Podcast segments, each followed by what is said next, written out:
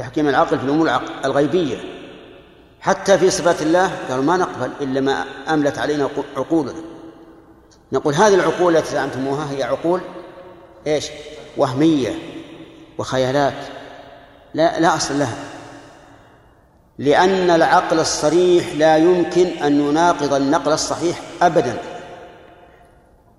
هذه قاعدة مضطردة. كل عقل صريح فإنه لا يمكن أن يخالف النقل الصحيح في الكتاب والسنة. ومعنى قولنا كل عقل صريح؟ الصريح هذا نعم ومعنى قولنا الصريح يعني الخالص من داءين عظيمين هما الشبهة والشهوة. ولا أعني شهوة الفرج. الشهوة يعني الإرادة. الشبهة أن لا يكون عنده علم. والشهوة أن لا يكون له إرادة صالحة. لأن كل الانحرافات عن الحق لا تخرج عن أحد هذين السببين. وهما الشبهة والشهوة. إما جهل وإما سوء إرادة. طيب إذن يقول فنكره جهل قبيح بالهجا يعني بالتتبع. نجد أنه أنه أن إنكاره جهل قبيح. ثم قال فإن يقوم بنفسه وهذا تقسيم آخر. نعم عبيد عبيد الله.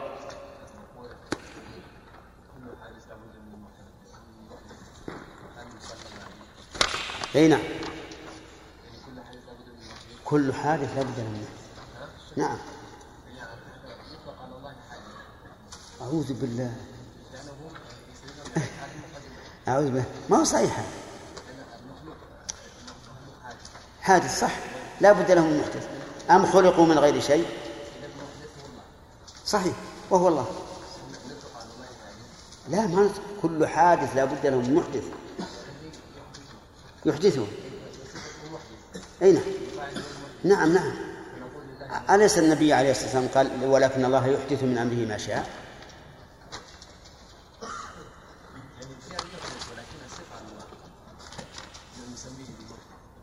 يصح أن نخبر الله بأنه محدث. كما نقول أنه خالق. ال- الذي يري الذي لعلك تحوم حول شيء آخر غير هذا. وهو أنه لا يزال الناس يقولون من خلق كذا من خلق كذا حتى يقولون حتى يقولوا من من خلق الله. فحينئذ لا يمكن أن يتسلسل لأن عندهم القاعدة العقلية التسلسل في الآثار لا في المؤثر. المؤثر ما يمكن يتسلسل. ولهذا أمر الرسول عليه الصلاة والسلام أن من أصيب بهذا أن ينتهي. نعم. الوقت. قضى والخلاف والنقيض والغيران مستفيض وكل هذا علم فلم فلم فلم نقل فيه ولم بس. بسم الله الرحمن الرحيم. الحمد لله رب العالمين وصلى الله وسلم على نبينا محمد وعلى آله وأصحابه ومن تبعهم بإحسان إلى يوم الدين. هذه الخاتمة كما سبق هي قطعة من علم المنطق. وسبق الكلام على بيان مدارك العلوم وعلى الحد وأقسامه وعلى أن المعلوم بالحس والعقل لا يمكن إنكاره. وأن إنكاره إيش؟ جهل قبيح. وقلنا إنه أشار رحمه الله إلى قوم يسمون السوفسطائية الذين ينكرون الحقائق والمحسوسات. ثم قال فإن يقم بنفسه فجوهر أولى فذاك عرض مفتقر يعني أن المعلومات لا تخلو من حالين إما. إما شيء قائم بنفسه وإما شيء قائم بغيره كل الموجودات بل كل المعلومات إما قائمة بنفسها وإما قائمة بغيرها فمن مصطلحاتهم أن القائم بنفسه يسمى جوهرا يسمى جوهرا. وليس هو الجوهر الذي هو نوع من الزينة لا جوهر أي قائم بنفسه. جسم الإنسان جوهر؟ طيب. آه الشمس القمر وهلم جرا. كل شيء قائم بنفسه يسميه جوهرا. فلو قال آدم مثلا سأهبك جوهرة. فأخذ أخذ صدري ينشرح وأفرح بذلك ثم أعطاني حجرا قدر الأنملة. هل وفى بالوعد؟ ها؟ نعم. على كلام المؤلف وفى بالوعد لكن على العرف لا. طيب. أو أو لا يعني لا يقوم بنفسه بل بغيره فعرض. سواء سواء كان لازما أم طارئا. يسمونه عرضا. وعلى هذا فالطول والقصر واللون والقوة والضعف وما أشبه ذلك تسمى عرضا. كذا فلان جوهر. كونه طويلا أو قصيرا عرض واضح؟ طيب. آه الباب جوهر. كونه أحمر أو أبيض أو أسود هذا عرض وهل مجر طيب إيش الفائدة من معرفتنا لهذه الأمور؟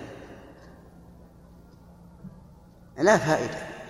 لكن كما قلت لكم أولا أنه لما أدخل المتكلمون هذه المسائل وهذه البحوث نعم في عقائدهم اضطر علماء السنة إلى أن يتدخلوا في الموضوع لئلا يبقى الميدان خاليا من أهل الحق. طيب يقول فذاك عارض مفتقر أي مفتقر لغيره لأنه لا يقوم بنفسه. وأنت بمجرد أن يقال لك طول قصر تعرف أنه عرض قائم بغيره. لا بد من هناك شيء يسمى طويل طويلا وشيء آخر يسمى قصيرا. ثم قال ما هو الجسم؟ قال الجسم ما ألف من جزئين فصاعدا فاترك حديث الميل الجسم كل شيء مؤلف من جزئين. والواقع أن كل شيء وإن صغر مؤلف. إيش؟ من جزئين. حتى نصل إلى شيء كرأس الإبرة. وهو الفرد المطلق.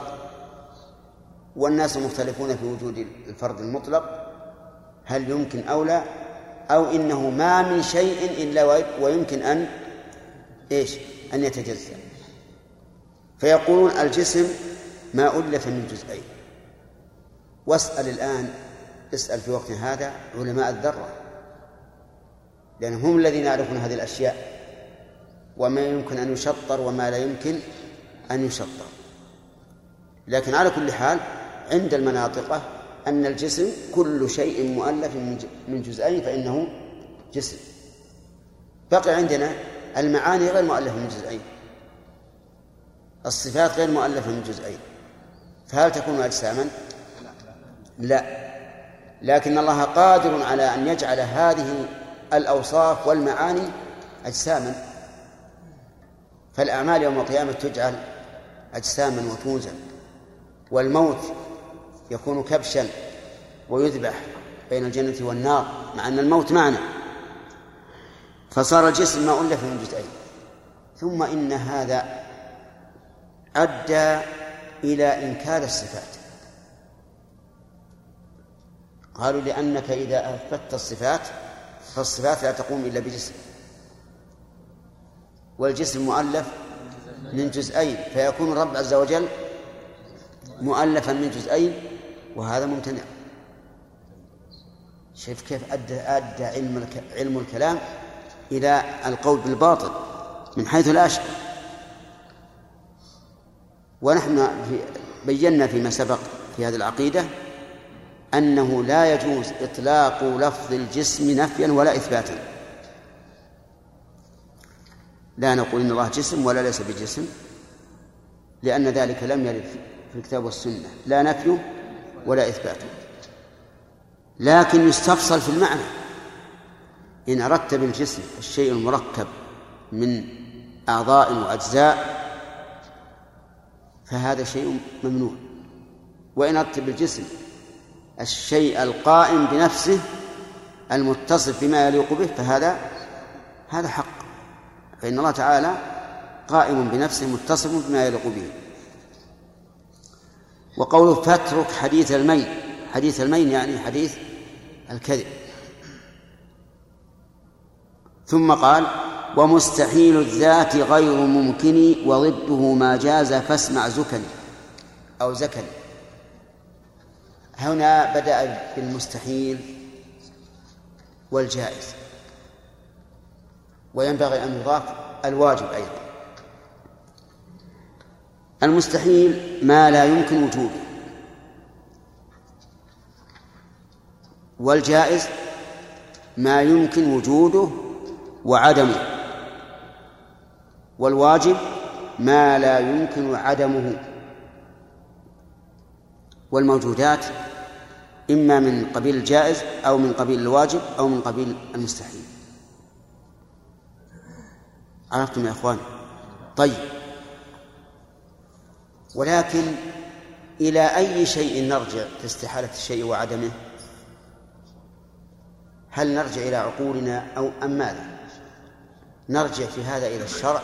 إلى الكتاب والسنة فيما يتعلق بالشرعيات وإلى الواقع وأهل الخبرة فيما يتعلق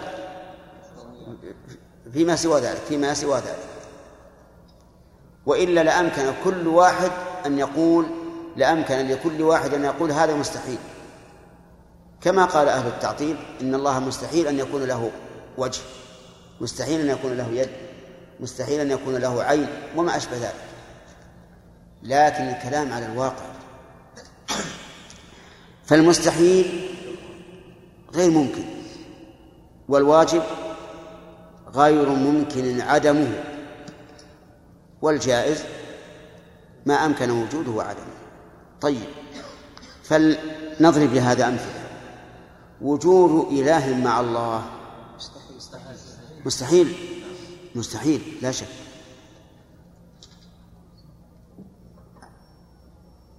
عدم الله وجود الله واجب. وجود الآدمي جائز لأن الله تعالى جائز أن يخلق الآدميين وجائز لا يخلق. نعم. تعذيب تعذيب الله سبحانه وتعالى للطائع. جائز. جائز. ها؟ جائز جائز نعم. هو جائز من عقله. يعني من حيث الوقوع يمكن. لكنه ممتنع شرعا وممتنع عقلا من وجه آخر. ممتنع شرعا لأن الله تعالى أخبر أنه لا يظلم أحدا. وتعذيب الطائع ظلم.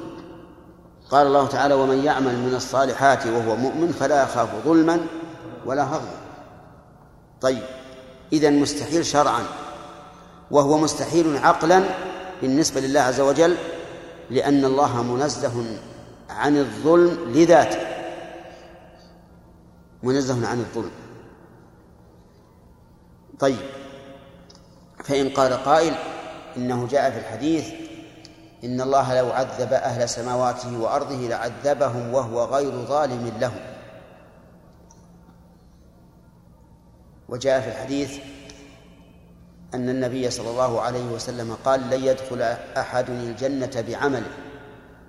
قالوا ولا أنت. قال ولا أنا إلا أن يتغمدني الله برحمته. قلنا لا إشكال.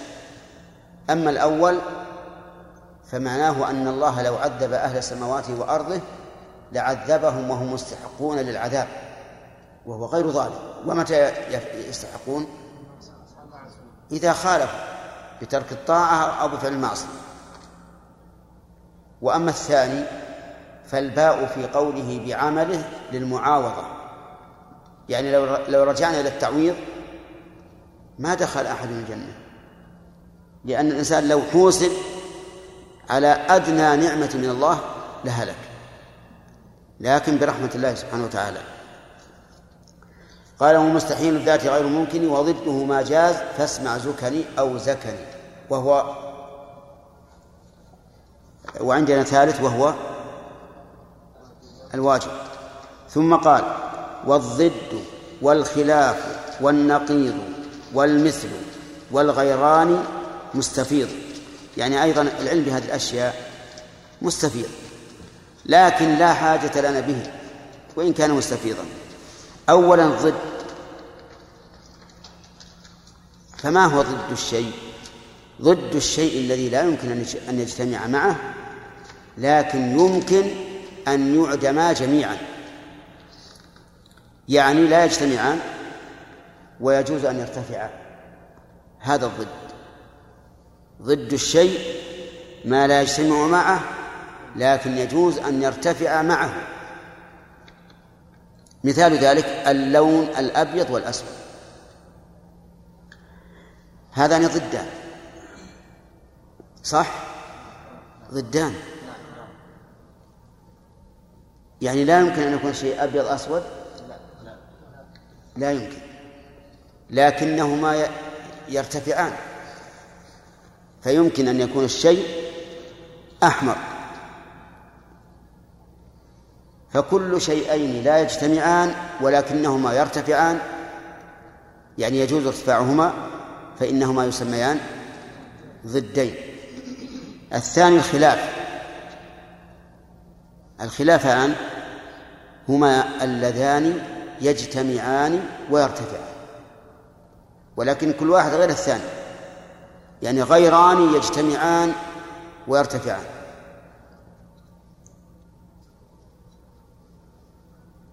فهمتم؟ مثاله الحركة والبياض. الحركة والبياض هذان خلافان. خلافان لأن كل واحد يخالف الآخر. ولكنهما يجتمعان ويرتفعان. فقد يكون الشيء لا متحركا ولا أبيض يعني ساكنا أسود.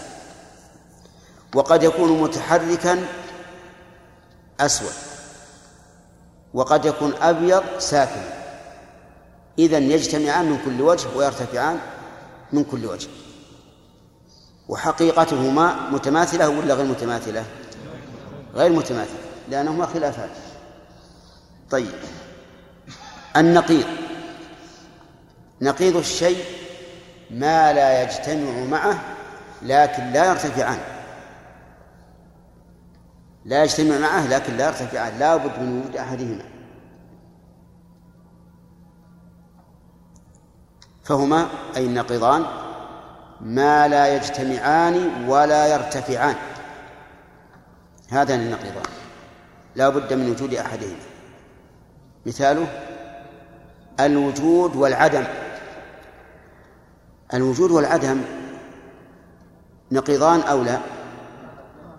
لأن المعدوم غير الموجود والموجود غير معدوم. طيب هل يمكن أن يجتمعا؟ لا. هل يمكن أن يرتفعا؟ لا. يعني لا يمكن أن يكون الشيء لا موجود ولا معدوم. لا بد أن تقول إما موجود وإما معدوم. الحركة والسكون ها؟ نقيضان. ليش؟ لا يجتمعان. لا يجتمعان. ولا يرتفعان أو يرتفعان. ولا يرتفعان. لأنه ما من شيء إلا متحرك أو ساكن. لا بد. طيب. الخالق والمخلوق. متباينان. متباينان. لكن يختلفان في أن الخالق واجب الوجود والمخلوق جائز الوجود. والمثل وهما المثلان. المثلان هما شيء واحد. المثلان شيء واحد. لا يصح أن نقول أنهما متغيران.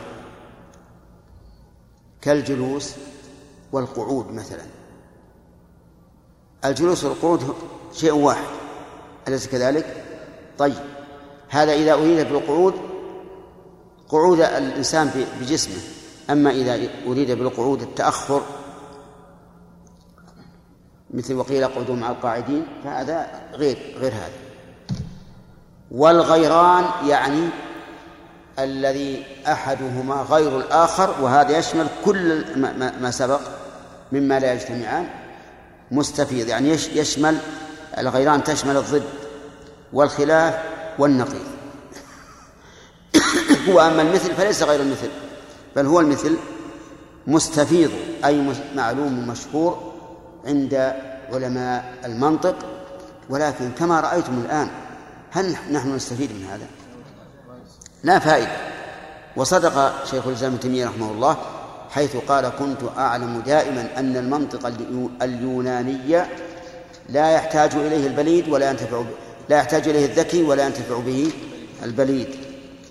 ثم قال وكل هذا علمه محقق. عند من؟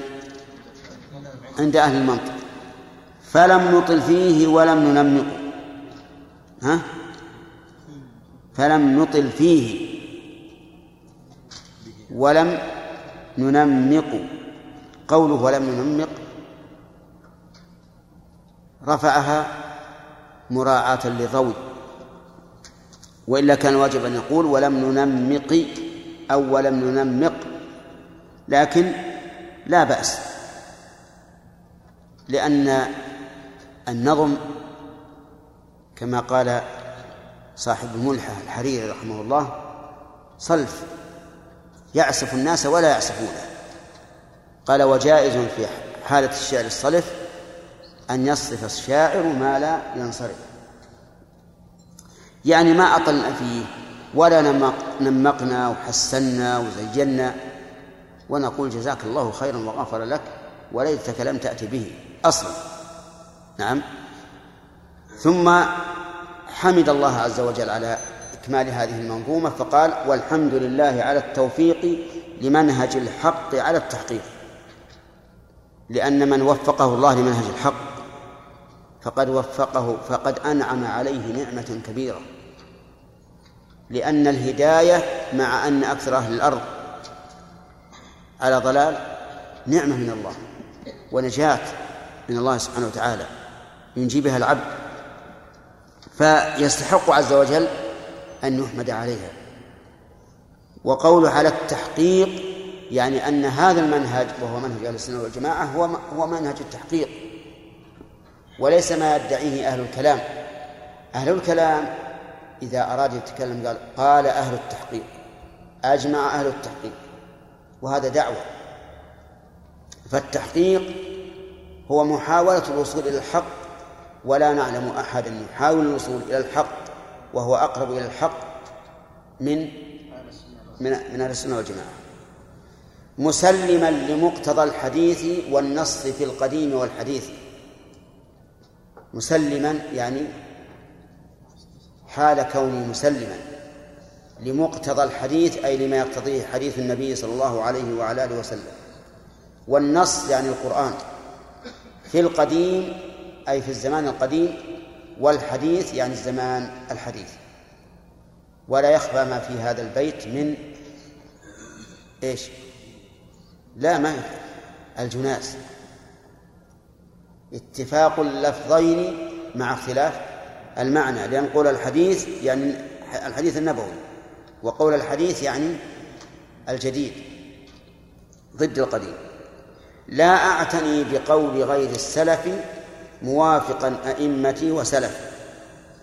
يعني لا أهتم بقول غير السلف حال كوني موافقا أئمتي وسلف.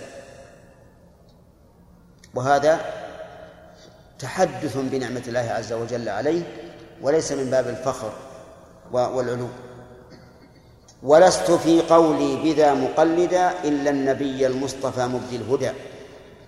يعني لا لا أقلد فيما ذهبت إليه إلا محمدا صلى الله عليه وعلى آله وسلم. وفهم من كلامه أنه يجوز أن يسمى اتباع النبي صلى الله عليه وعلى آله وسلم تقليدا. وهذا مختلف فيه.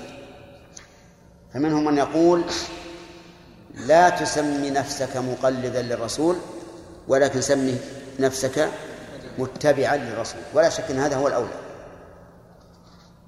لأن الأصل في التقليد قبول قول القائل بدون دليل. وما و و و نعم وقبولنا لقول الرسول قبول بدليل. ولهذا ينبغي أن يسمي ذلك اتباعا كما قال تعالى قل إن كنتم تحبون الله فاتبعون وقال فآمنوا بالله ورسوله النبي الأمي الذي يؤمن بالله وكلماته واتبعوه. لكن لا بأس أن نتسامح ونقول من باب التجوز إن هذا تقليد. وقول إلا النبي المصطفى يعني بذلك محمدا صلى الله عليه وعلى آله وسلم والمصطفى اسم مفعول من الصفوة وأصله المستفى ولكن قلبت التاء طاء لعلة تصريفية. والمصطفى يعني الذي اصطفاه الله عز وجل وجعله من صفوة خلقه. وقوله مبدي الهدى أي مظهر أي مظهر أي مظهره. قال الله تعالى وإنك لتهدي إلى صراط مستقيم. نعم. صلى عليه الله صلى عليه الله. الصلاة من الله على رسوله يعني ثناءه عليه في الملأ الأعلى.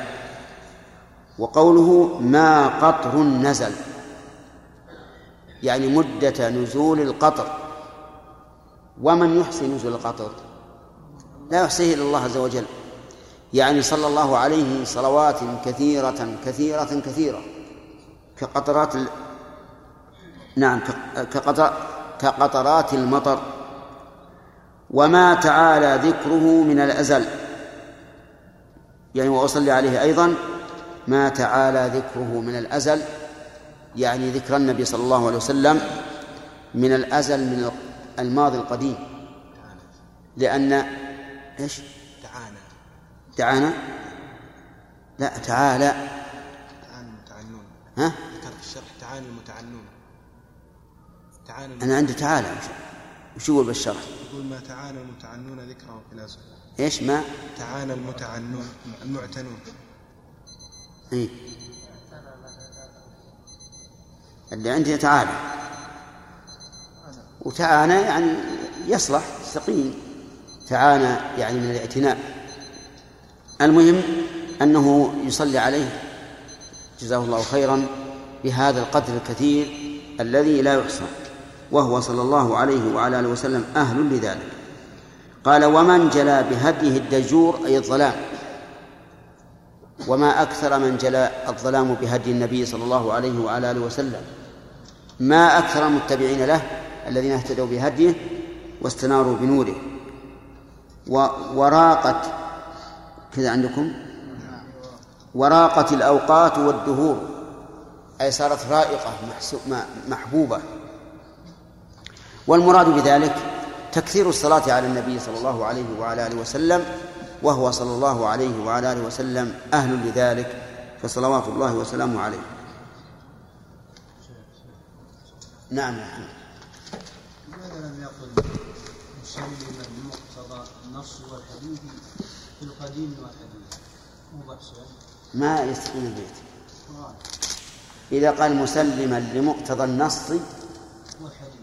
ما ما يمكن زوجه إذا زودته رجح على الشطر الثاني صار أكثر.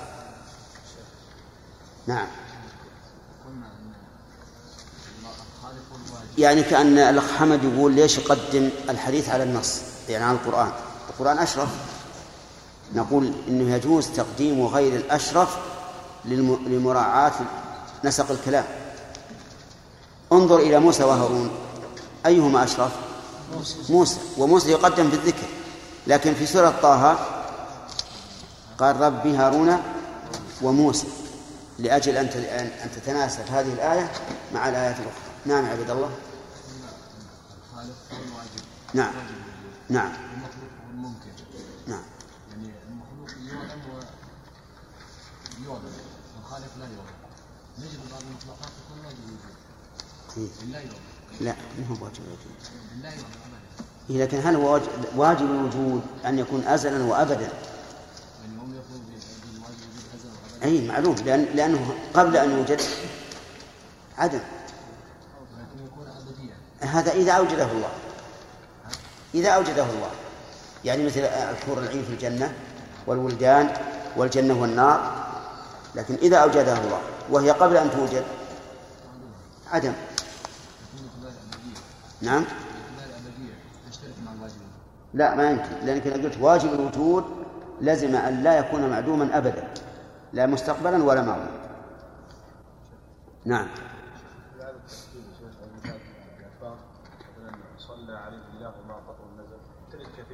ها؟ كثيرا نعم. ونفسه يقول من صلى عليها واحدة صلى الله بها عشرة نعم. فهل يعني ما يا شيخ كل قطعة تنزل له فيها حسنة لا يعني أنه مستحق أن يصلى عليه بكثرة بكثرة قطر الندى. ولا ما أظن أنه يحصل له الثواب. نعم. يعني أتى المؤلف في بعض قواعد المنطق يعني في في هذه الخاتمة ولم يبين رحمه الله يعني ما هو يعني كيفية استخدامها في في في العقيدة ولا يعني فوائد العقيدة. أبدا هي لولا المنطق لسلمت العقيدة. المنطق فلا. لكن لم يبين لماذا جاء بها. جاء بها إطلاقا تبعا لغيره لأن بعض ال- ال- الذين يؤلفون في في العقائد يذكرونها من مثل هذه المسائل. دون دون استخدامها في يعني يذكرونها دون استخدامها. يذكرونها لأن لئلا ترد على أحد وتشكل عليه. انتهى؟ طيب. الطلبة لأنهم تفرغوا هالشيء لابد أن يحفظون المتون ثم الشروط هذا هو الواقع.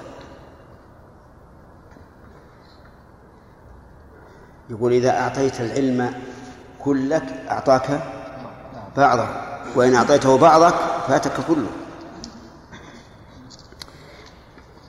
بسم الله الرحمن الرحيم الحمد لله رب العالمين وصلى الله وسلم على نبينا محمد وعلى آله وأصحابه أجمعين. لماذا قال المؤلف عن الحد إنه أصل كل علم؟ سامع لأنه جعل من مدارك العلوم الحد العلم معلوم إلا بالحد لأن الحكم على الشيء فرع والتصور يكون بالحد طيب. قوله وصف محيط كاشف فافتهم وش معنى البيت؟ كمال.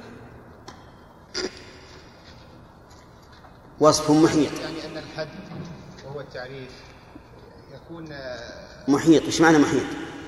بك- بحيث يكون جامع مانع لا يعني لا أصل لا تعطيني إياه جميع. محيط يعني يعني جامعا لجميع المحدود. نعم. طيب. كاشف. نعم. أي مانع. يعني مميز للمحدود عن غيره بحيث لا يدخل معه معه غيره. طيب. شرط الحد. طاهر. يكون كا- جامعا مانع لا المؤلف طرد. الطرد والعكس. ما هو الطارد الطرد الطرد أنه ينطبق على كل ما فيه أن يكون جامعا.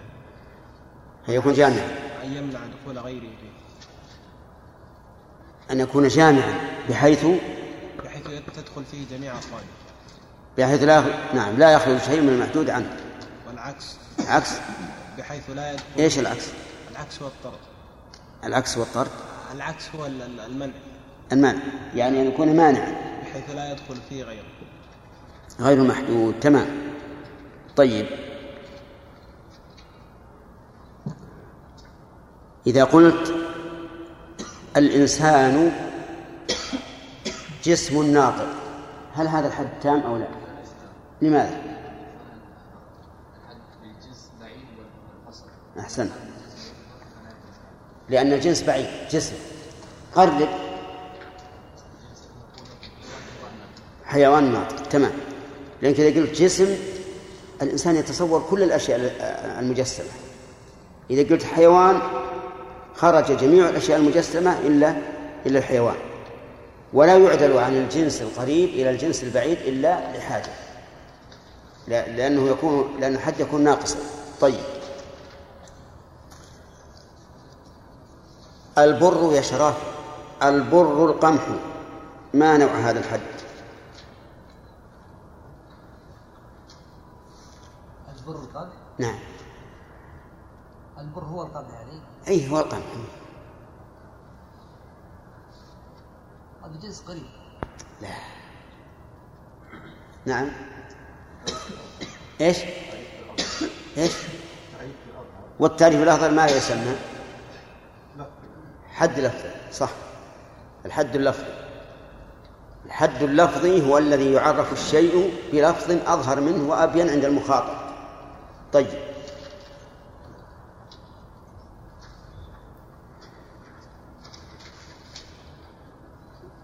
إذا كان المعلوم قائما بنفسه فله اسم عند المناطق. نعم. قائم بنفسه. إذا كان المعلوم قائم بنفسه فما اسمه عند المنا- المناطق يسمى جوهر. تمام. وإذا لم يقم بنفسه؟ الذي التفت. الذي التفت شيخ. إذا لم يقم بنفسه؟ ماذا يسمى؟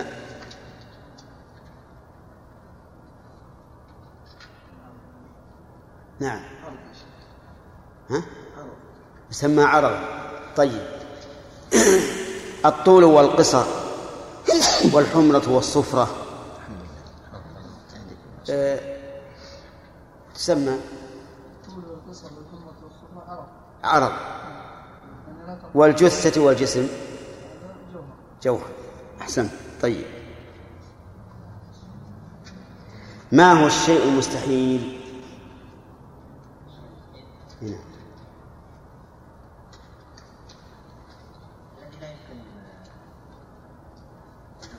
طيب. والواجب؟ ما لا يمكن؟ ما لا يمكن عدمه. طيب. والجائز حمد؟ جائز. نعم. الذي يمكن وجوده يمكن. يمكن وجوده وعدمه طيب. الإنسان هل هو من الواجب أو من الجائز؟ من الجائز. من الجائز. صح. الجنة؟ من الواجب. من الواجب. من الجائز. من الجائز. الجنة أي نعم. هنا من الواجب. من الواجب. من الواجب. أجل مثل مثل الرب. مثل الرب لم تزل ولا تزال موجودة. ها؟ أجل إيش؟ شاء الله. جعله شاء. هل هي حادثة أم أم أزلية؟ هل هي حادثة مخلوقة أو أزلية؟ حادث إذا لا تكون واجبة. هل هي موجودة أو وجودها مستحيل؟ إذا تكون من من الجائز لأنه لا ينطبق عليه حد المستحيل ولا حد حد الواجب طيب. في آه، نسب. ما هو ما هما الضدان؟ محمود. ما لا يجتمعان معا ويمكن أن يرتفعان معا؟ نعم. ما لا يمكن ما يمكن ارتفاعهما لا اجتماعهما. هذان الضدان مثاله؟ البياض والسواد بياض وسواد وعبد الله يبين لنا ما هم ما هما النقيضان. النقيضان هما اللذان لا يجتمعان ولا يرتفعان مثاله لا موت الحياة. الحركة والسكون. والوجود؟ والعدم. بارك الله فيك. طيب الخلافان. الحبيب ما هما الخلافان؟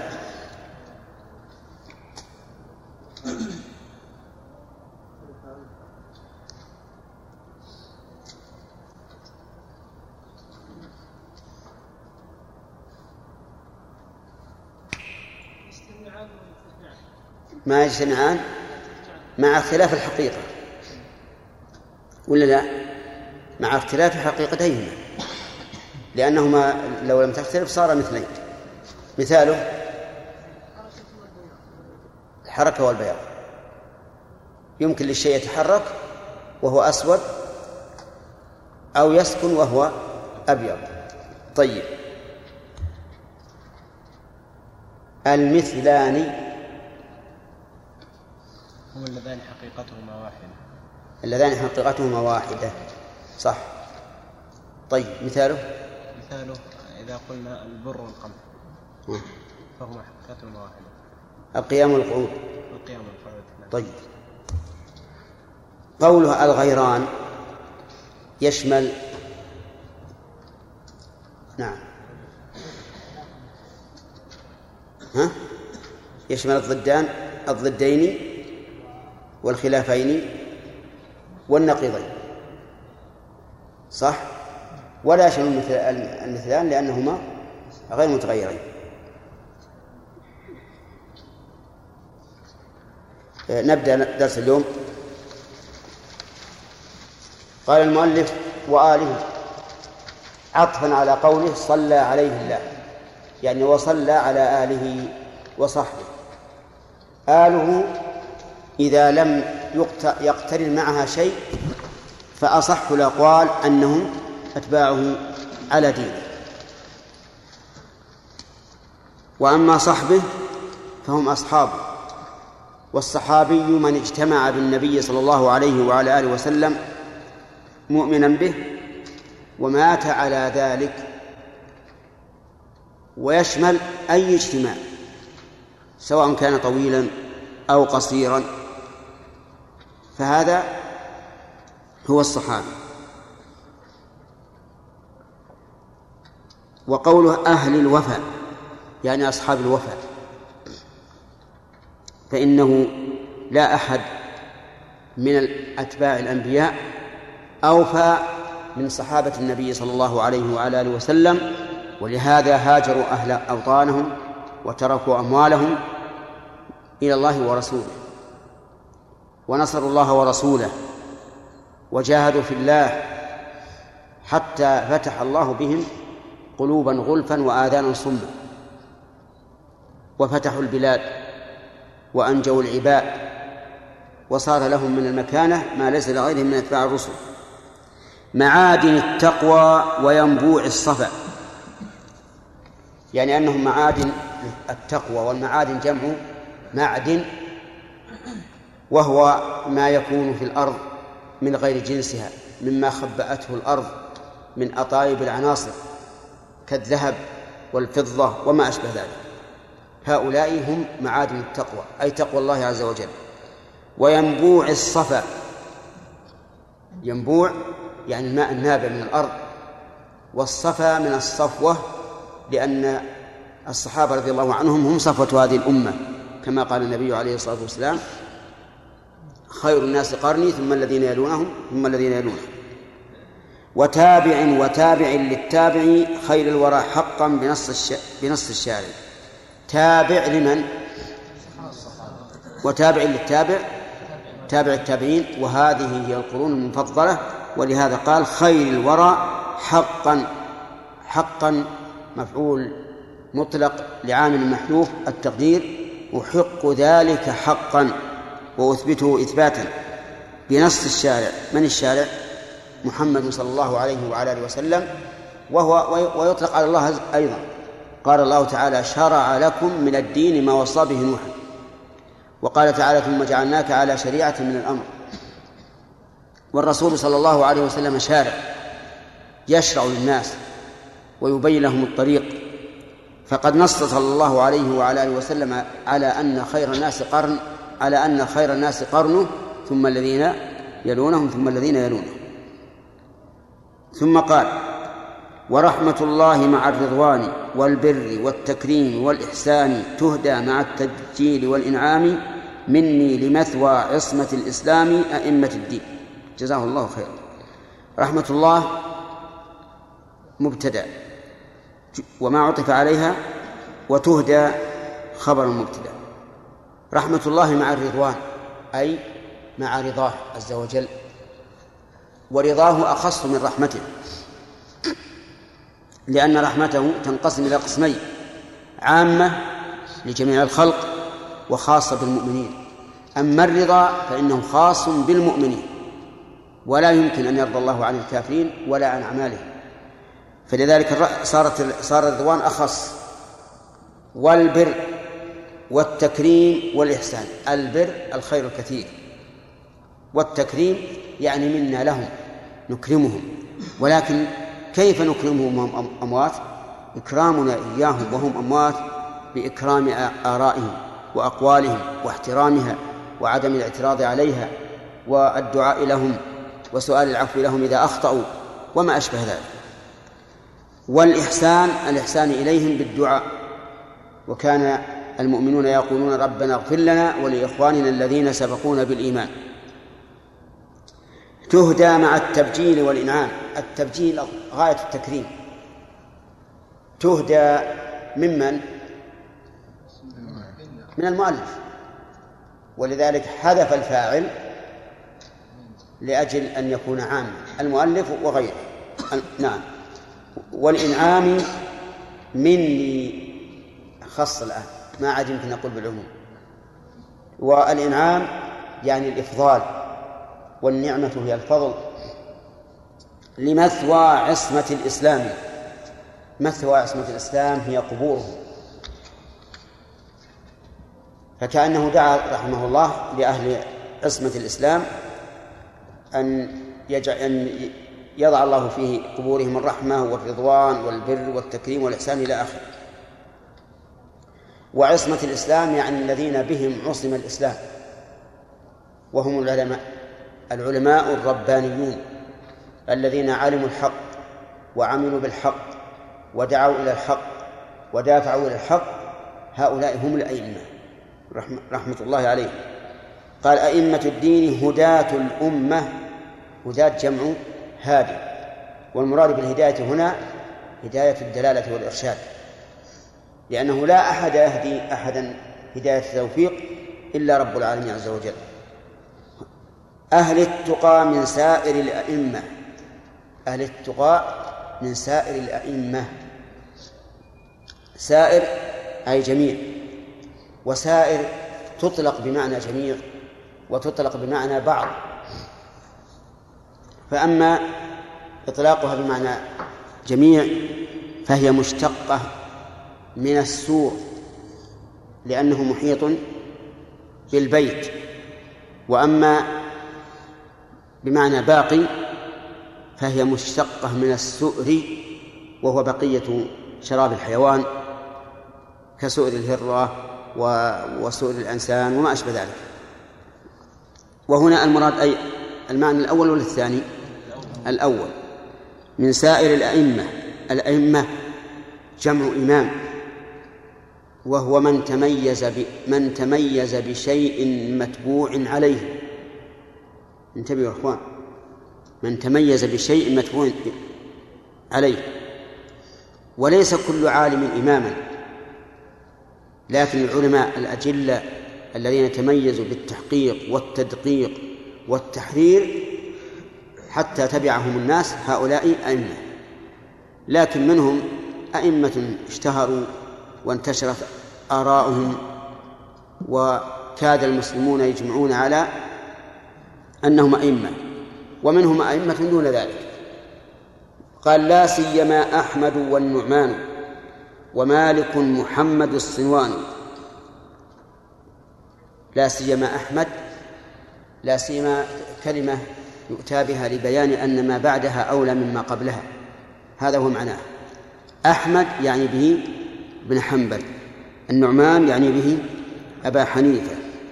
مالك يعني بمالك بن أنس. إمام دار الهجرة إمام دار الهجرة.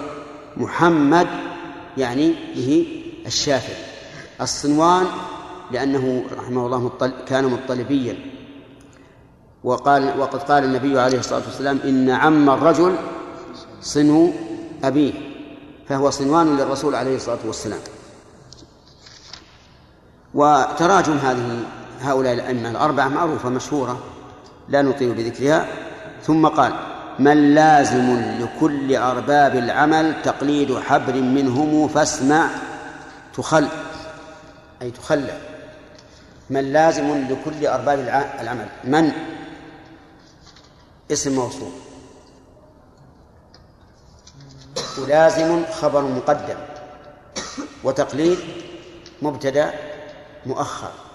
يعني من تقليد حبر منهم لازم لكل أرباب العمل. إذا فالعبارة فيها تقديم وتأخير عبد الله. تقديم الخبر على المبتدأ يعني أنه يلزم لكل إنسان يعمل أن يقلد واحدا من هؤلاء الأربعة. هذا معنى كلام المؤلف. وهذا قول ضعيف جدا. لأن مقتضاه أنه لا يجوز العمل بقول خارج عن أقوال هؤلاء الأئمة الأربعة والأمر ليس كذلك. ولا يلزم اتباع أحد على كل حال إلا الرسول عليه الصلاة والسلام هو الذي يلزم اتباع قوله على كل حال. أما هؤلاء الأئمة الأربعة فإنه لا يلزمنا أن نأخذ بقولهم ولنا أن نخرج عن أقوالهم. ولكن لا شك أنهم إذا أطبقوا على شيء فإنه أقرب إيش؟ أقرب إلى الصواب. فالخروج عنه يحتاج إلى تأني. وبهذا واعرفوا هذه القاعدة. أنك إذا رأيت الجمهور على قول فلا تخرج عنه إلا بعد التأني والتريث والنظر في الأدلة والتدبر فيها. لماذا؟ لأن قول الجمهور لا يستهان به. قول الجمهور أقرب إلى الحق من قول واحد. فلا تفرح أن تجد قولا غريبا تخرج به أمام الناس ليصدق عليك ليصدق ليصدق قول الناس عليه خالف تعرف. وبعض الناس يقول خالف تذكر. لا كن مع الجماعة. لكن إذا بان أن الحق في خلاف قول الجمهور فالواجب عليك اتباع الحق. نعم.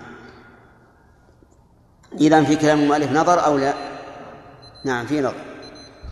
قال ومن نحى ومن نحى لسبلهم من الورى من نحى أي اتجه وأخذ لسبلهم طرقهم من الوراء من الخلق ما دارت الأفلاك أو نجم سرى. يعني مدة دوران الأفلاك وسريان النجم. والنجم هنا عام. يشمل كل نجمة. فما أكثر هذا؟ الدعاء الذي ذكره المؤلف ما دام شاملا لكل الأفلاك أو, أو لكل دورة من دورة الأفلاك وسرايا النجم. قال هدية مني لأرباب السلف. نقول مقبولة. أهداها لنا رحمه الله لأرباب أي لأصحاب السلف مجانبا للخوض من أهل الخلف. لأن هذه العقيدة مبنية على على طريق السلف. وإن كان فيها بعض الشيء الذي نبهنا عليه أثناء مرورنا به لكنها في الجملة سلفية محضة. قال خذها. هديت واقتفي نظامي تفز بما أمليت والسلام. بما أملت. تفز بما أملت والسلام. مضمومة عندكم؟ ضم التاء ها؟ طيب مفتوحة. ومضمومة وعندي أمليت. لكن على كل حال المعنى واضح. يعني أنك إذا أخذتها واتبعت نظامي أي منظومي فيها فإنك تفوز بما أملت أو بما أملت أنا. ولكن الأحسن بما أملت أنت. والسلام. نقول هي هدية مقبولة وعليه السلام ورحمة الله وبركاته. والحمد لله على التمام وصلى الله وسلم على نبينا محمد وعلى آله وأصحابه. ومن تبعهم بإحسان إلى يوم الدين ونسأل الله تعالى أن يهدي إخواننا للحفظ وأن يدعوا الكسل والتكاسل فإنه لا خير في الكسل والتكاسل. أين أحمد؟ نعم.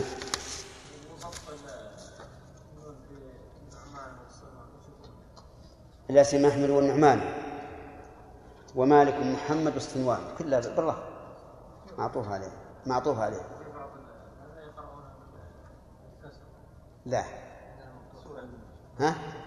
أي- هي هي تصلح فيها ثلاث توجه. الفتح لكن أظهرها الرفع. نعم. الدرس القادم يكون مراجعة. ها؟ الدرس القادم. الدرس القادم مراجعة. تسمية وتسمية فيما بقي بس. قولي بدا مقلدا إلا النبي المصطفى مبدي الهدى. وقال في آخره في آخر النظم من لازم لكل أرباب العمل تقليد حبر منهم فاسمع تخل أيهما الصواب القول الأول أم القول الثاني؟ القول الأول. وهو؟ نعم. وهو اتباع النبي صلى الله عليه وسلم. نعم المؤلف قال تقليد مقلدا إلا النبي. وذكرنا في هذه العبارة نظرا الأخ. أي نعم. ما حضرت؟ أنت. ما نقول نعم. متبع. صحيح؟ آه لماذا؟ لأن التقليد غير الأخذ بقول غير من غير دليل. هذه واحد. أما الاتباع لا هذا ولأن.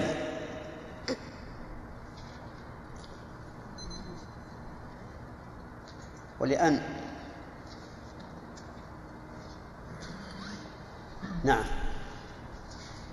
هي أنت. ولأنه جاء في القرآن الاتباع وليس التقليد نعم. ولأن الله أمر باتباعه لا بتقليده فقال قل إن كنتم تحبون الله اتبعوني يحببكم الله أحسنت. بارك الله فيك.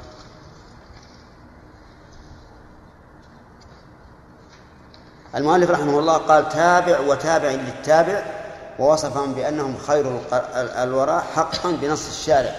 ما هو النص؟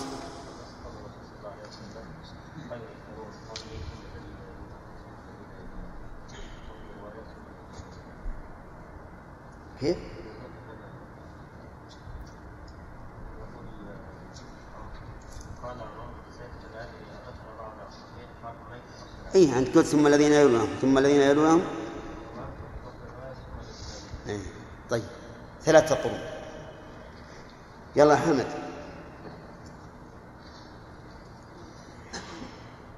يقول رحمه الله مسلما لمقتضى الحديث والنص في القديم والحديث. ما الفرق بين الحديث الأولى والثانية؟ الأولى في الحديث بما جاء عن الرسول صلى الله عليه وسلم أحسنت. الثاني في القرآن. لا لا إلا قوله في القديم والحديث. أنا أسأل ما الفرق بين الحديث في البيت في الشوط الأول والشوط الثاني؟ الحديث الأول. نعم. أي طيب طيب. الزمن. الزمن. الحديث يعني الجديد. ماذا تقولون؟ صحيح. هذا صحيح. هذا هو الفرق. تقديم الحديث على النص. والنص هو القرآن. أي نعم. أي. لا يعني هذا تقديم ذات السنة على يعني لا لا يعني تقديمه في الرتبة ولكن في الذكر. طيب هل لك أن تأتي بدليل وهو تقديم المفضول على الفاضل في الذكر فقط لمراعاة شيء ما تقديم الله جل وعلا لهارون على على موسى عليه السلام نعم. في أي في أي سورة في أي آية؟ في سورة طه. فألقي السحرة سجدا قالوا آمنا برب هارون وموسى مراعاة لفواصل الآيات. صح وجين حبر وحبر يا شيخ. نعم. حبر حبر يكتب هذا يا شيخ؟ والله ما أدري. كان يكتب خلي العالم هو المداد الذي يكتب به. في اللغة العربية الحاء مثلثة. حبر وحبر وحبر. مثلثة. تجدونها أول كلمة من باب الراء في القاموس والمعنى واحد يا شيخ المعنى واحد هنا معنى واحد ترتيب هذه المعنى. تقليد حبل منهم فاسمع تخل اي معناه ما لا. شرحناه يا آدم. قلنا المؤلف يرى أنه يجب تقليد ال- الأربعة يعني واحد منهم. اسمع هذا الكلام تخلى